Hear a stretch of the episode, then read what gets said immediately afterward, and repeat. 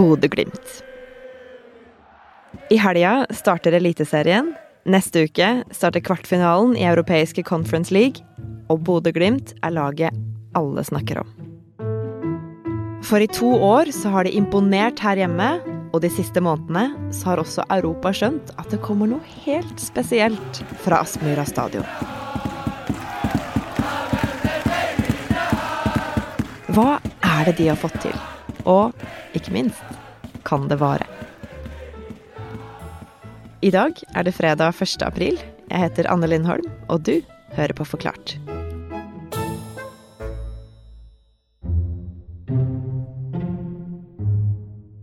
Senhøsten 2018 sitter styrelederen deres i, møte med den lokale banken og sier vi har ikke penger, vi er omtrent konkurs, vi har ikke penger til spillerne sin lønning engang.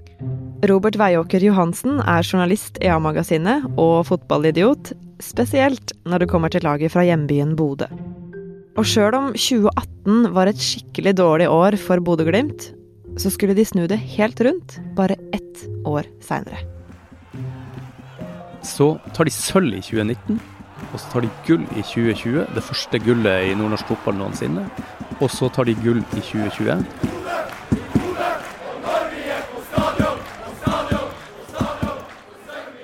Og, og, og så driver de og, og, spiller rundt store europeiske klubber som vi, som vi kjenner godt fra før.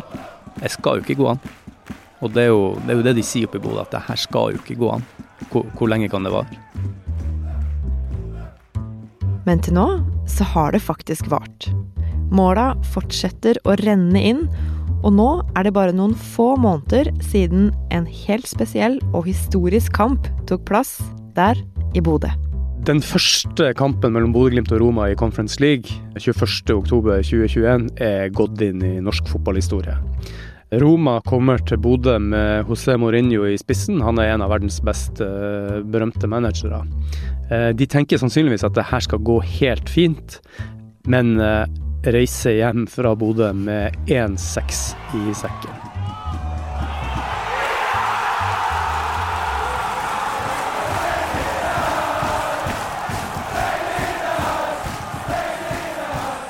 Det var helt vilt.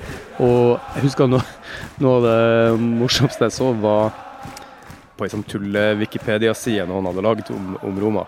Og Der sto det at Roma ble ikke bygget på en dag, men det tok 90 minutter for Bodø-Glimt å demontere hele, hele byen. og hva er det som skjer nå til helga? I helga er det, er det jo seriestart i, i den norske eliteserien. Og serien starta med en helt sånn vill godbit. Den starta med Bodø-Glimt-Rosenborg hjemme på søndag. Eh, hjemme i Bodø. Og det er en kamp som Den har alt, fordi at Rosenborg er de gamle kongene av Fotball-Norge. Og Bodø-Glimt er de nye. Rosenborg var villig til å sprenge banken i vinter for å få Bodø-Glimt sin trener Kjetil Knutsen over til seg, men han sa nei til det. Så i stedet endte de opp med en annen Kjetil, Kjetil Rekdal. Vi er nødt til å finne en uh, vei, vei, ut av det. Vi, vi er bedre enn dette her, altså. Og for å plusse på dette, så har Rosenborgs sesongoppkjøring vært Altså, det har ikke vært å tro. Og nå sist tapte de for uh, førstedivisjonslaget Raufoss 3-0 hjemme. Mens Bodø-Glimt da har herja i Europa. I Europa så finnes det tre store fotballcuper. Helt øverst så har du Mesterligaen, Champions League, dit alle vil. Og så kommer Europaligaen. Og under der igjen så har du Conference League, hvor Bodø-Glimt altså har imponert helt vilt og hauser inn millioner på seierne sine. Og det er ikke verst for en liten klubb fra nord. Bodø-Glimt er jo en gammel og tradisjonsrik klubb. Eh, den ble stifta i 1916, og fra midten av 70-tallet og frem til 2019 så hadde Glimt perioder der de var gode, skikkelig gode, og de gangene de var skikkelig gode, så holdt de som regel nesten på å røkke ned året etterpå. Men sånn er det ikke nå lenger. Én mann får mye av æren for den endringa. Trener Kjetil Knutsen. Jeg er så stolt av at vi har klart å levere både i Europa og i serie, og i tillegg at vi er med i cupen òg eh, i 2022. For han har snudd alt opp ned med en helt egen og veldig logisk filosofi.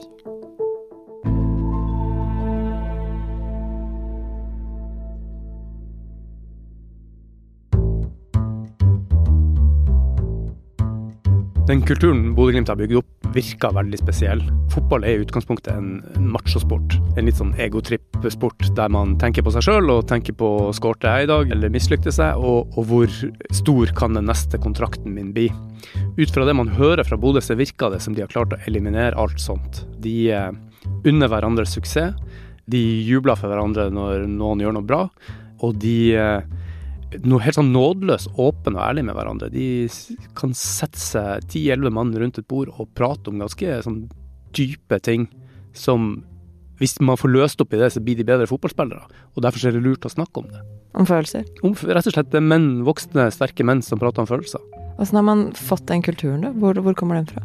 De har jo et veldig stort apparat, men, men treneren vil jo bestandig bli den som, som uh, det pekes på i sånne ting. Og i dette tilfellet så er det jo Kjetil Knutsen, og han skjønte vel at han trengte å endre kultur. Hans første hele år med Bodø-Glimt var i 2018, og da, da, gikk det skikkelig dårlig. Det var ikke sånn at de skulle sparke han, men de satt på styrerommet og snakka om er vi helt sikre på at dette skal vi, skal vi gå videre med. Og nå, i dag, er han et geni. Hvem er Kjetil Knutsen, da? Han er jo en morsom skrue. Jeg pleier å tenke av og til at det ser ut som han bestandig har det så, så vondt på sidelinja. Han, han, lever seg inn i fotballkampene med, med, ansiktet. Han er jo en skikkelig fotballnerd. Han eh, bor eh, langt, langt unna familien sin eh, store deler av året. Han liker å gå i butikken når det ikke er mye folk der, så han skal bli avbrutt i tankerekka eller tatt ut av bobla si. Ikke alltid jeg får eh, fred fra journalister, men jeg er ganske god på å ikke ta telefonen. Så eh, ja, eller slå av telefonen. Det er jeg ganske flink til. Og, og, hvis han skal ha det skikkelig gøy, så spiller han litt pingpong med en kamerat. Og de to har også en, en annen tradisjon. De, de eh, bader i havet før hver eneste kamp. Og i Bodø kan det bli kaldt. Veldig kaldt. Og denne isebadende fotballnerden Knutsen, han har tatt ganske radikale grep i Bodø-Glimt for å skape den nye kulturen i laget. Han har tatt grep på så mange områder. Han har selvfølgelig tatt et veldig klart grep på hvordan Glimt skal fremstå som fotballag, hvordan de skal spille. Han har tatt grep når det gjelder spillernes fysikk, hvor fitt fit de er, og hvor mye de klarer å løpe i løpet av en kamp. Eh, han har også tatt kjempegrep når det gjelder den mentale biten. Men du får aldri Kjetil Knutsen til å snakke om hvilke resultater han håper på, eller hvor han tenker at Glimt skal ligge på tabellen, eller sånn. Han snakker bare om utvikling. Altså utvikling innad i laget? Ja, utvikling innad i laget og utvikling, utvikling av hver enkelt spiller. Hva betyr det, da? Si at han sier høyt at vi skal vinne serien. Så tenker alle oi, nå må vi vinne serien, men hvis du ikke sier det, så tar du egentlig bort presset på den biten, og så kan du bare konsentrere deg om å utvikle deg i stedet. Hva er det han har gjort for å få spillerne til å være i den samme mentaliteten, da? Nei, han har jo sannsynligvis gjentatt ting så mange ganger at de til slutt har skjønt det. Men han har jo også henta inn en uh, mental trener, en tidligere jagerpilot, Bjørn Mannsverk, som overhodet ikke har greie på fotball, men som har greie på hvordan menneskehjernen fungerer, da. Og en veldig stor del av den Glimt-gruppa går jo ganske jevnlig til samtaler hos Mannsverk. Og, og, de har også gruppesamtaler der de sitter som rundt et uh, leirbål og prater om uh, ting som plager dem, ting de syns er bra med kompisen, og, og ting som kan gjøre, gjøre, dem bedre som spillere. Så det virker som det er tatt bort veldig mye press i Bodø. Se for deg at det er sånn det funker der du jobber. Som et uh, eksperiment før denne episoden, så, så spurte jeg Mannsverk om det. Hva om uh, vi her i Aftenposten da f.eks. skal gjøre noe vi er litt nervøse for om blir bra eller ikke, som å lage en fotballepisode når vi egentlig ikke er så interessert i fotball? Hvilke spørsmål burde vi stille oss da, Robert? Da sier han uh, er det et alternativ å ikke gjøre det? hvor farlig er det om du feiler? Om det går dårligere enn ønska, er det fortsatt bedre enn sånn som det var før, da. Eh, og dersom vi lærer av de feilene vi gjør mens vi f.eks. spiller inn det programmet her, vil ikke det være ganske lærerikt? Kjente du at du ble mye roligere? Veldig mye roligere. Men det her er jo altså Hvis du skal bygge en sånn kultur, Hvis du skal få mange fotballspillere til å sitte rundt et bord og snakke om følelsene sine Jeg kan jo tenke meg at det kan være én ting å bygge opp den kulturen med de du allerede har, men åssen får de det til å fortsette da når de hele tiden får inn nye fotballspillere fra andre lag som kanskje er fra den her machokulturen og egotrippen som du snakka om? Ja, de eh, har jo hatt spillere som, som, har vært der relativt kort, som har røket ut igjen. Og de har jo også hatt spillere der som, som sannsynligvis ikke har eh, gått like fort inn i sekten i hermetegn da, som, som alle de andre. Men eh, jeg har en slags følelse at enten så tilpasser du deg, eller så får du ikke spille, og i verste fall så ryker du ut. Og uh, si at det kommer en litt sånn cocky, vanskelig fyr inn i klubben, da. Hvis du setter han i garderoben mellom to stykker som har vært med på dette i tre-fire år, tipper jeg det tar ei uke før han er omvendt. Tror du det går så fort? Ja, jeg tror det går så fort. Det tror jeg. Det virker sånn. Men åssen har han fått den kulturen til å vare så lenge, da? Han har jo veldig viktige sånne kontinuitetsbærere. Det er et kjedelig ord, men det betyr jo bare at det er folk der som har vært lenge og gjort det samme, og som har trua på det de gjør. Men du spurte hvordan får man det til å vare. Den letteste måten å få det til å vare på, er jo å vinne fotballkamper. De ser jo at det fungerer. Det vil jo være idiotisk av dem å begynne å gjøre noe helt annet nå, når du vinner ja, 19 av 20 kamper du spiller. Å vinne kamper har de jo definitivt gjort. De har allerede slått Roma, og de har slått ut Celtic, og de har slått ut det veldig gode nederlandske laget AZ Alkmaar. Og nå, da kvartfinalene skulle trekkes, så, så trakk de jaggu meg Roma en gang til. Og noe av grunnen til de seierne kan jo være at når svære lag som Roma møter et lite og ganske ukjent lag som Bodø-Glimt, så er det ikke sikkert storlaget tenker at de er nødt til å gjøre leksa si. Det er ikke sikkert de bruker tid på å finne ut av hva slags lag de skal spille mot, åssen det laget spiller, og hva slags forhold de skal spille under. Mourinho landa i Bodø, og det var stiv kuling og snøfokk i lufta. Og de skulle spille på kunstgress, som romaspillerne ikke er noe spesielt vant med i det hele tatt. Likevel så eh, fikk jeg høre at de gjennomførte ikke noe skikkelig trening på det kunstgresset. Og han eh, stilte jo med et ganske sånn B-prega lag, og skjønte jo knapt hva som traff han da målene begynte å hagle inn på Aspmyr.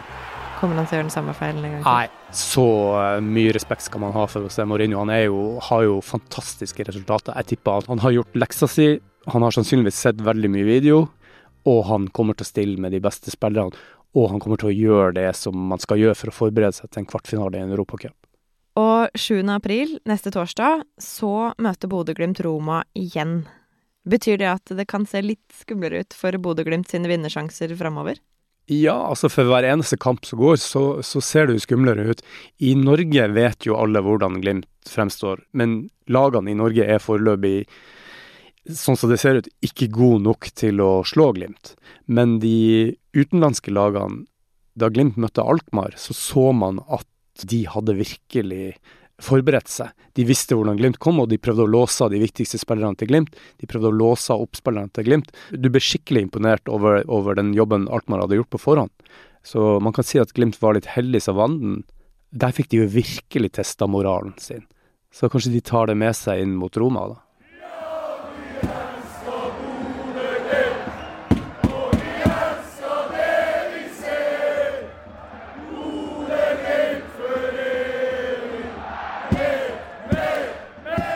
Det her er jo et lag hvor det virker som om alt har endra seg på veldig kort tid. Er det ingenting av det gamle som henger igjen? Å jo, de har jo en stadion som ser ut som den er bygd i fire forskjellige tiår.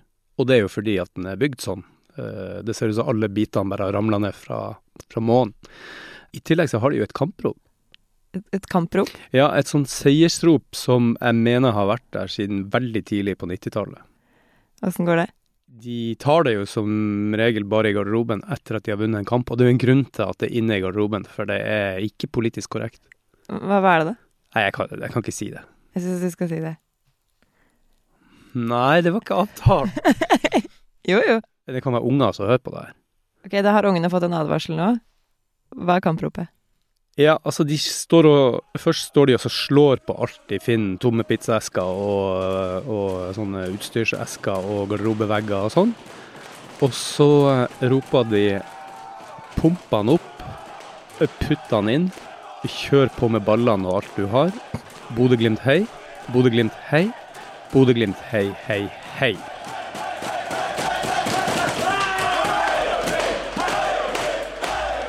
Det er jo ikke akkurat uh, sjalala Rosenborg-sus over den. Men jeg, men jeg advarte deg. Takk.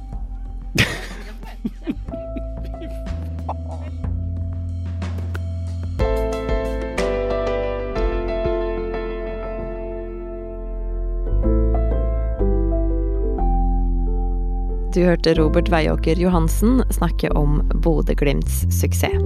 Det er Fride Nest Onsdag og jeg, Anne Lindholm, som har lagd denne episoden. Resten av Forklart er Anders Weberg, David Vekoni, Marte Spurkland, Jenny Førland og Synne Søhol.